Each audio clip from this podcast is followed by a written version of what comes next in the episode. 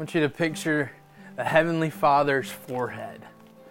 It's never furrowed, it doesn't have sweat on it.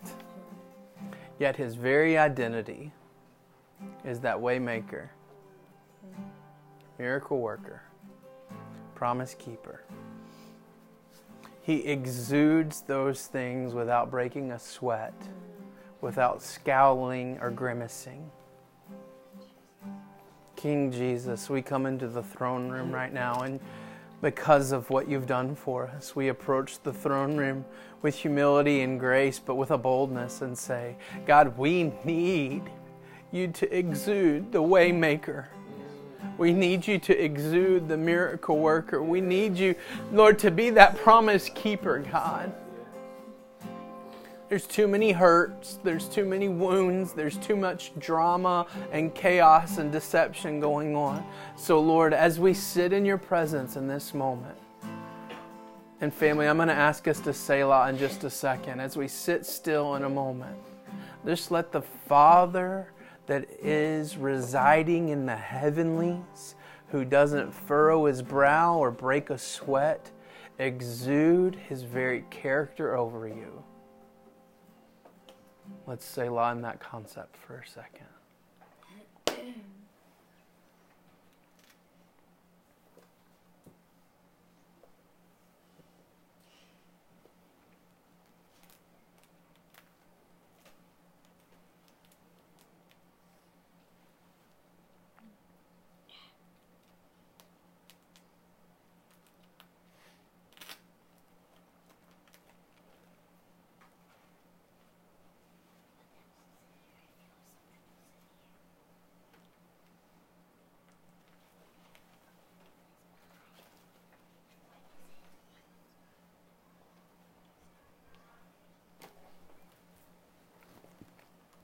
God, we come into your throne room seeking your character. Lord, not just the things that we get out of your character, because we just want to be in your presence, Lord. We thank you for the benefit of being in your presence, that you exude waymaker, miracle worker, promise keeper. And Lord, you're the light that we need in the darkness, Lord. Lord, we stop our groping around in the darkness looking for the answers and we look to you, God. Jesus, be that light in these moments. In Jesus' name, amen. All right, well, if you have your Bibles, uh, turn to Exodus chapter 8. So, um, how many of you were at Thornton's Pool a couple Woo! weeks ago? Yeah, yeah, Thornton's Pool. It was awesome. Um, uh, so, uh, poor judgment on my behalf, thinking that I'd be able to deliver a message with all the kids looking past me at the world's largest privately owned pool. um, so I, uh, I told a couple of you, I, I, you maybe noticed it if you were there. I punted maybe three fourths of my message. I just every all the kids were distracted. They weren't with me. It, it was a weird dynamic, and so I just kind of shared a little bit of good thought out of it, and then threw everything else out the window and said, "Let's go jump in the pool." Well, um, afterwards, I had a couple people come up to me and like, "Man, that was a great message," and I'm like, "Really?" really? There's there's so much more to it. I didn't, I, and I felt like we were done with it, right? And so um, Tim and even David and a few others are like, "Hey, you need to teach that message again, full fledged." And so I was kind of praying through it, and really felt like that was what God was saying is like, "Hey, let's do this." And so in Exodus chapter eight, we we we read this months and months and months ago, but in Exodus chapter eight, there's this dynamic of uh, Moses you, know the story. The kids, you even know the story. Moses goes to Pharaoh and says, Let my people go. The nation of Israel has been enslaved, right? Enslaved. It started out as God saving them. And watch this. It was God's plan to fulfill the promise to walk through the slavery. Let me say that again because I think many of us in the room need to hear that. It was God's plan in order to the, fulfill the promise to walk through the heavy enslavement labor. Feel like you're there right now? Well, it's God's plan to f- help fulfill the promise. It's God's plan to help fulfill the promise by providing the world's largest plagues that we've ever seen on a whim, right? On, on command. God says, Moses, do this. And Moses tells Aaron, hey, do this. And then they establish this ongoing interaction with Pharaoh. Hey, if you're not going to let my people go, I'm going to turn the Nile into blood for seven days. Okay? Anybody know the three largest rivers in the world? Come on. Amazon. Amazon, Mississippi, and the Nile. Amazon, Mississippi, and the Nile. So I think Mississippi's third, actually. I think the Nile is bigger than the Mississippi. Let's go to the river. There, there's probably a whole bunch of blood flowing in the Mississippi River. Anyway, sorry, gross. But but let's go to the river. Somebody touch it with their staff, and everything turns to blood. Okay, we're talking large scale plagues. God is willing to do whatever it means by whatever it means necessary to fulfill the promise of a deeper relationship. Amen. So, the struggle bus that you're sitting on right now, God's willing to let you walk through that for a season that feels like a plague. It feels like the enemy, even. Yet it's the Lord graciously correcting our steps so that we walk into the promise.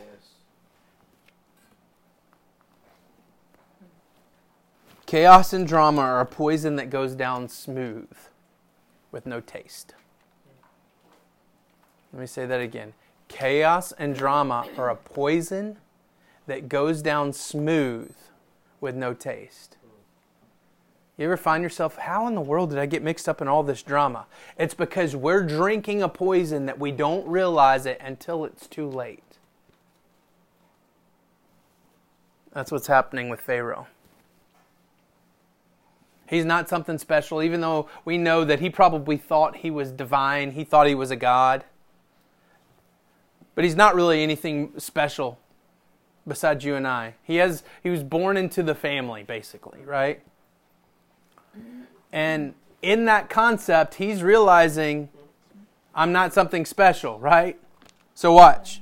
In Exodus chapter 8, verse 1. Exodus 8 1. Then the Lord said to Moses, Go back to Pharaoh. This is after them turning the water of the Nile into, the blood, into blood. Go back to Pharaoh and announce this to him. This is what the Lord says Let my people go so they can worship me. God doesn't desire freedom for freedom's sake, He desires freedom for an intimate relationship with Him. I need to say that one again, too. God doesn't desire freedom for freedom's sake. He desires freedom for an intimate relationship with Him. So many of us, we get caught up in freedom that we miss the intimacy with the Father. He said, Let them go so they can come worship me. If you refuse to let them go, I'll sing a plague of frogs to the entire land. The river Nile will swarm with frogs. They will come up out of the river and into the palace, even in your bedroom, onto your bed. And they will enter your house of your officials and your people. They will even jump into your ovens and into your kneading bowls. The frogs will jump on you, your people, and all your officials. Think about it for a moment. The nation of Israel desires freedom to go worship. I said this a couple weeks ago. I want to say it again. God is desperate for us when we are desperate for Him. Not willing to let us go worship somewhere else. He wants the worship. When we're off worshiping somewhere else, caught up in deception and drama, God sends plagues. Let me say it in a different way. When we're off worshiping somewhere else, caught up in drama and deception, God sends trials.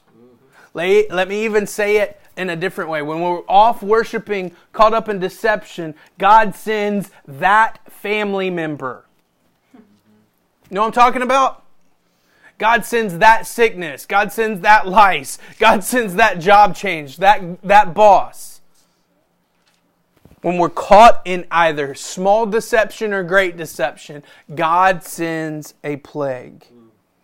I love how the Lord picks and chooses to speak in symbolism here. In Egyptian, even today, in Egyptian culture, the sign of the frog is prosperity. There is no prosperity outside of God. Think about it. Pharaoh's response, we'll talk about it in a minute, but Pharaoh's response is frogs? Okay, we talked about it last time. For those of you that weren't here, Ben Meliscus, and I'm so bummed they're sick, he is deathly afraid of frogs. He's afraid of frogs. He brought it up while we were at Thornton's pool, and I made fun of him for the last 10, 12 or two weeks. He is afraid of frogs. But many of us, like, we're like, okay, if a frog jumped on you, weird you out, but like, you wouldn't have a heart attack or any, maybe some of you would. But there is, there's a concept here that it's a frog.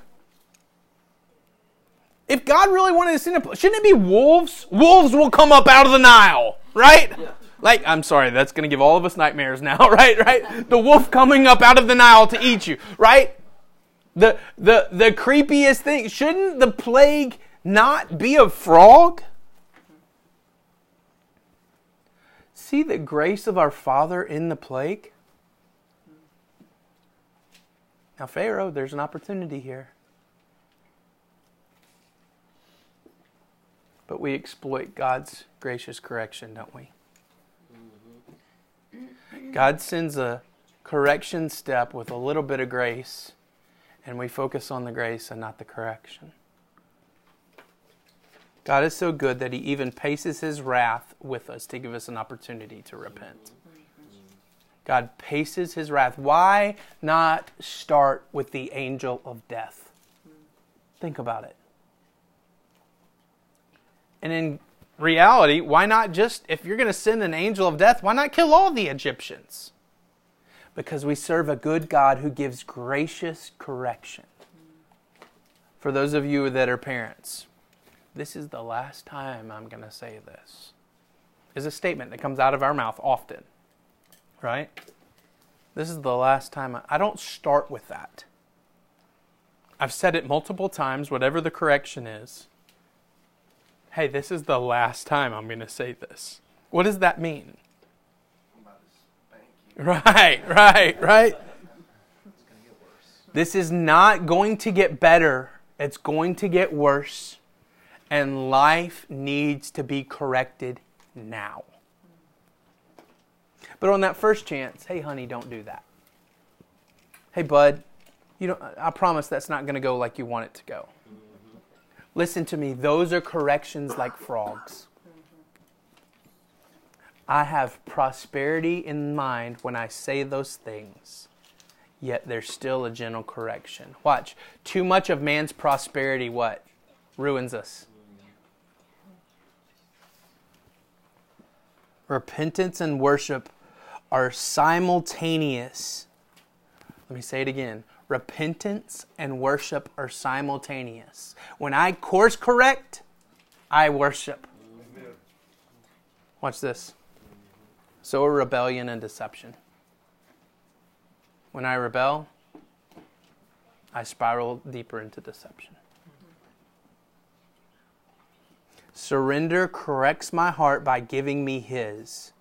Deception is me thinking I have His heart with no need to surrender. Mm-hmm. Mm-hmm.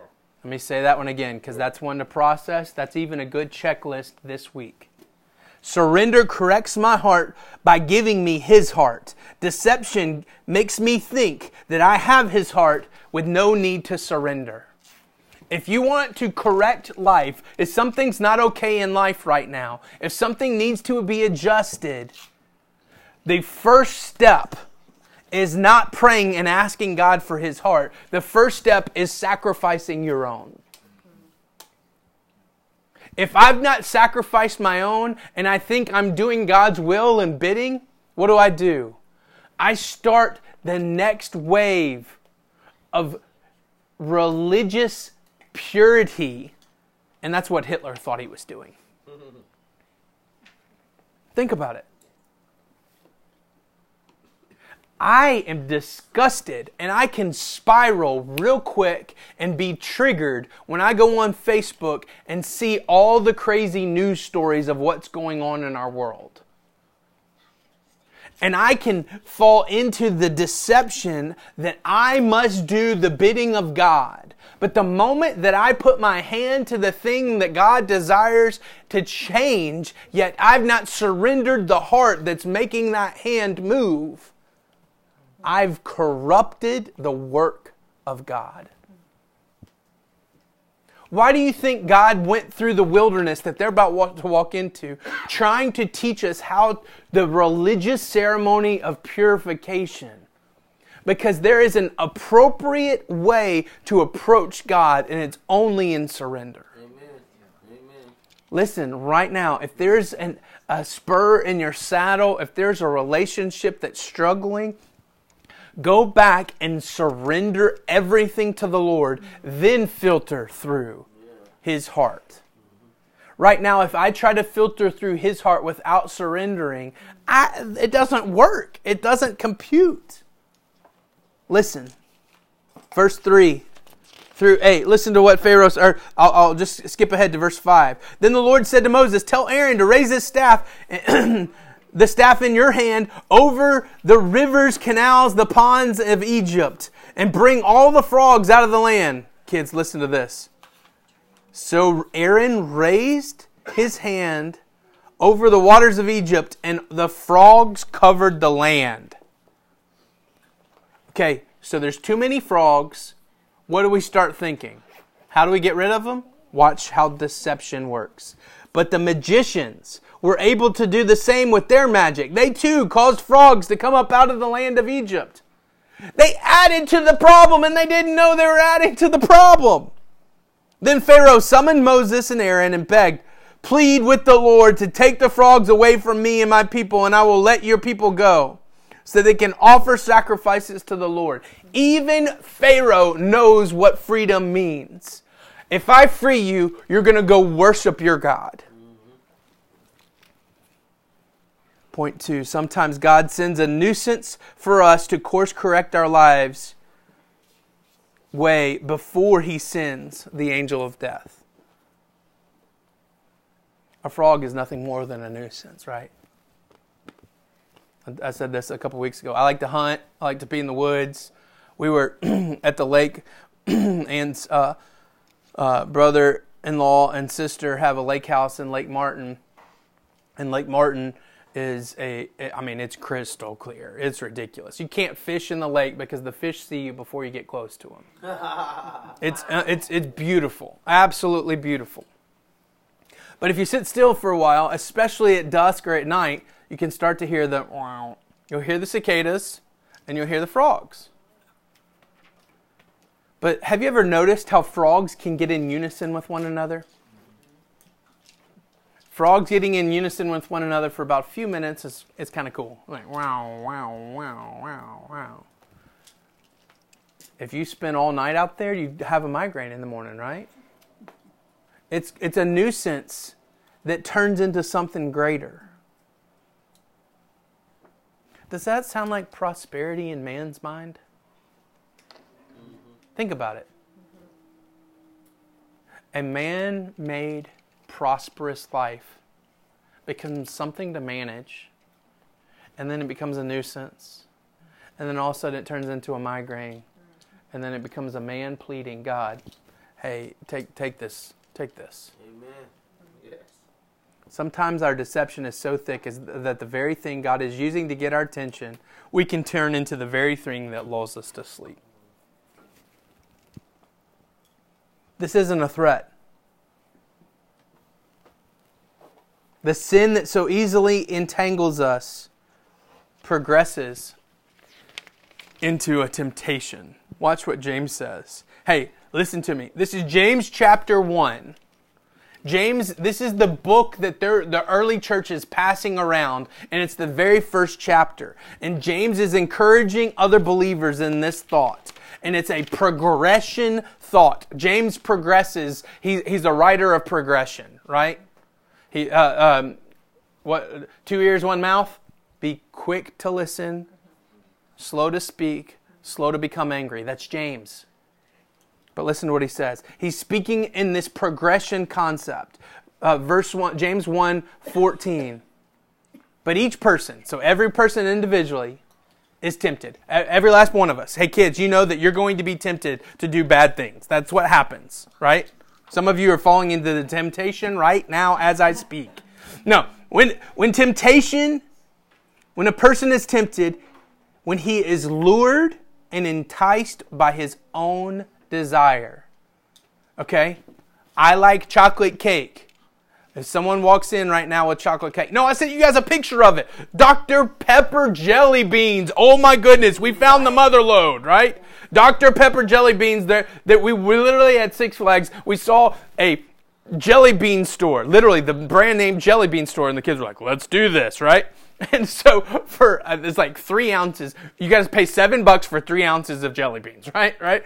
And so we go in, and they literally have this dispenser of Dr. Pepper jelly beans, right? I, I could eat my weight in those jelly beans. But if I didn't know that Dr. Jelly, uh, Dr. Pepper jelly beans, it wouldn't be a temptation for me, right? Watch. Sin is not the temptation. There is no sin when the temptation is put in front of me. What does the when does the sin happen? when I allow my desires to take over the physical being of who I am, and I step into it. Mm, mm-hmm. What was the original sin? The very first sin. The very first sin, Eve looks with her eyes, and it becomes pleasing to her. Actually, I don't believe that's the first sin. You know what the first sin was? She eats and says her husband was there with her. The silence of Adam was probably the first sin. Yes. The moment she reaches and Adam doesn't reach out and stop her hand, yes. Yes. sin's entered the world. Do you see it? But watch, watch this. Each person is tempted when he is lured and enticed by his own desires. Watch. Then desire, when it's conceived, gives birth to sin. When I match temptation and desire, I become impregnated with sin. You've been there? I know you've been there because we've all been there, right? But watch, when it fully, when that baby grows up, it brings death.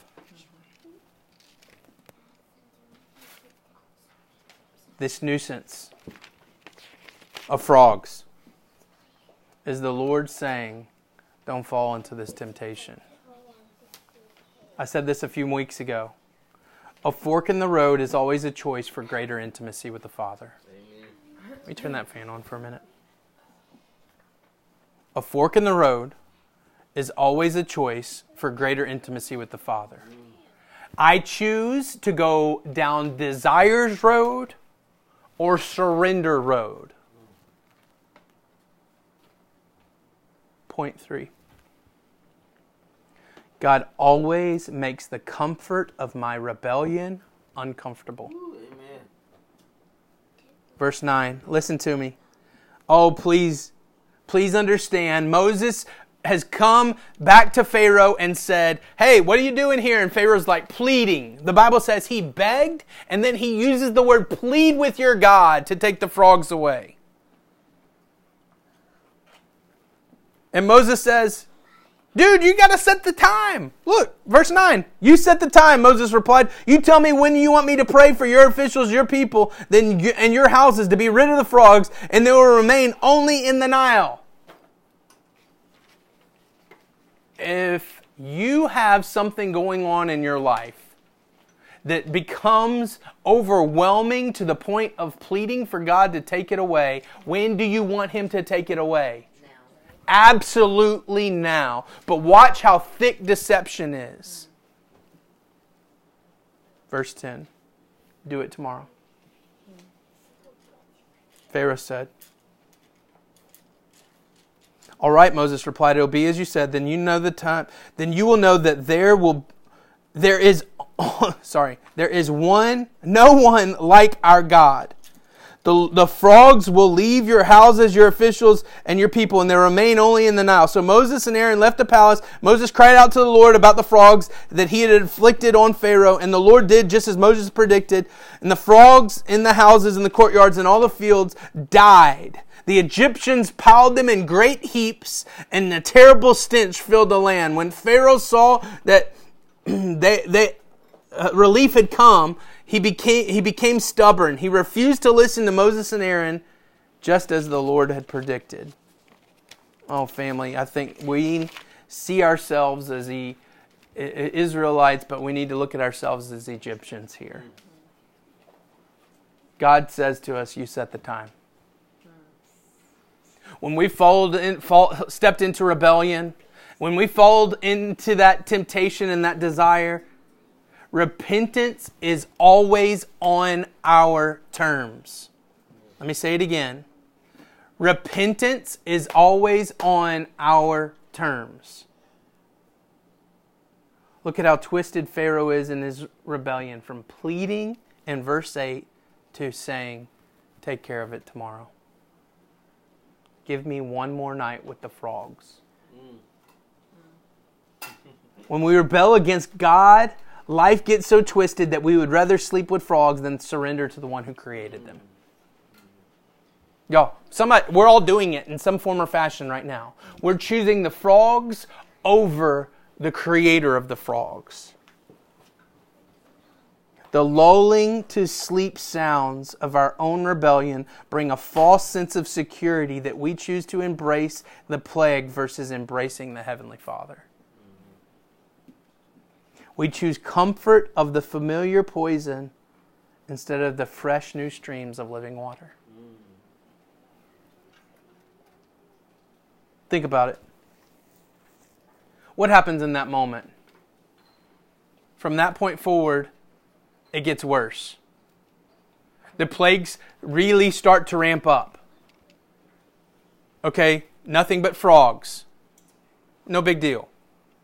Deal with the frogs. I love that God doesn't deal with the frogs, He makes them deal with them. Now, God kills the frogs, but when we live in our own prosperity and it dies, aren't we the ones that have to deal with the consequences of it dying? Watch this, family. Please don't miss it. Please catch it. I can justify that God's really not the one trying to get my attention and you can too. Please see this with all clarity and all understanding in your heart of hearts. The frogs are piled up, creates a stench. Then there's gnats and flies. The cattle start to die off because whatever disease of these dead frogs. We have a random hailstorm. I can justify God's correction as just happenstance. Amen, brother. Until life goes dark. Light or the flies and the gnats, the hail. Watch. Then, when everything gets dark, the plague of darkness enters in okay, something's up here. Sometimes I become so stubborn that that's too late. The day that everything goes dark, there are rumors around an angel of death because of this rebellion. Do you think the Egyptians thought about? Remember when it was just frogs?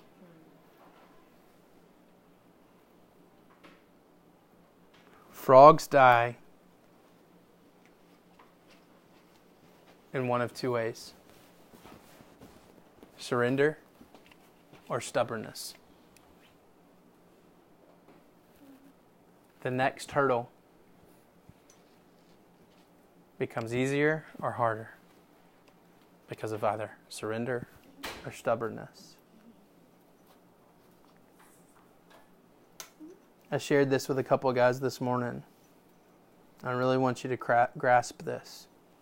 Deception and rebellion tell me to contemplate which path to take the frogs are going to wo- worship the King of Kings. But listen to this surrender and repentance don't even see two options. In my deception and my rebellion, I can justify and even contemplate, oh, yeah, I'll sleep with the frogs one more time. And all God is doing from heaven, looking over the balcony of heaven, going, You want to sleep with frogs? Come on, preach. Listen to me. Every heartbeat, every heartbeat I have either falls in stubborn, sinful behavior or surrender. And in the stubborn, sinful behavior heartbeats, I justify to the point where I'm okay over here drinking the poison. The layers of deception that allow me to say, just give me one more night with the frogs, should be the very warning that something's wrong. Amen. But the very fact that I step into surrender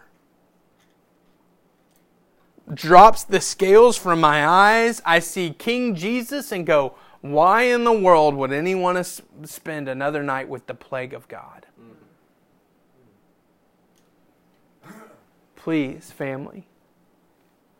We've been praying over this for a while, and I, I'm not a good poker player. Jesse's a great poker player. I'm not a good poker player. So I'll show you my hand. There is a spirit of offense in our midst.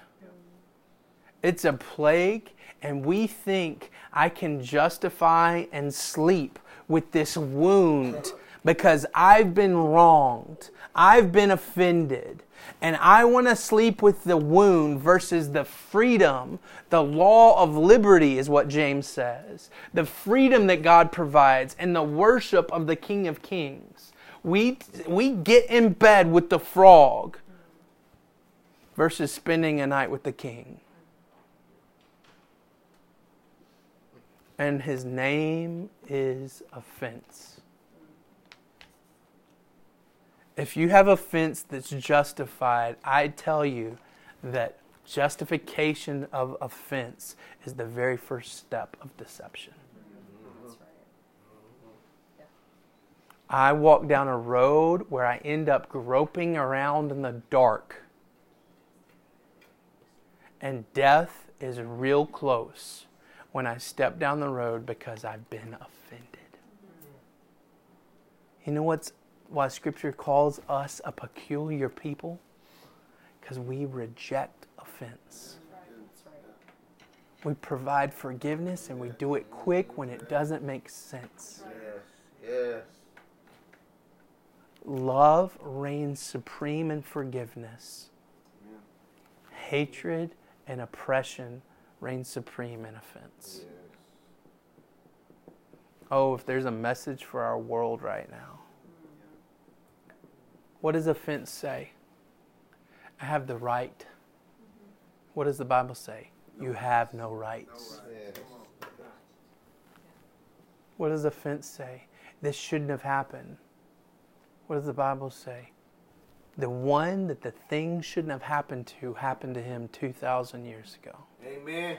Amen. You can't amen that. Woo. And, and it trumps everything. So hear me right now in your heart of hearts. Process offense through forgiveness as fast as possible. Y'all, there's people in my life who have offended me, I've forgiven, and I do not trust. Because forgiveness and trust are different. Amen. They do have the right to be forgiven. They do not have the right to be trusted. Trust takes time and opportunity. You've got to give them opportunity and you've got to give them time to develop trust again. But the only way to step down those roads is to pr- apply forgiveness fast. And it crushes the enemy. He, he stands on the legs of rebellion and offense. Let me pray for us.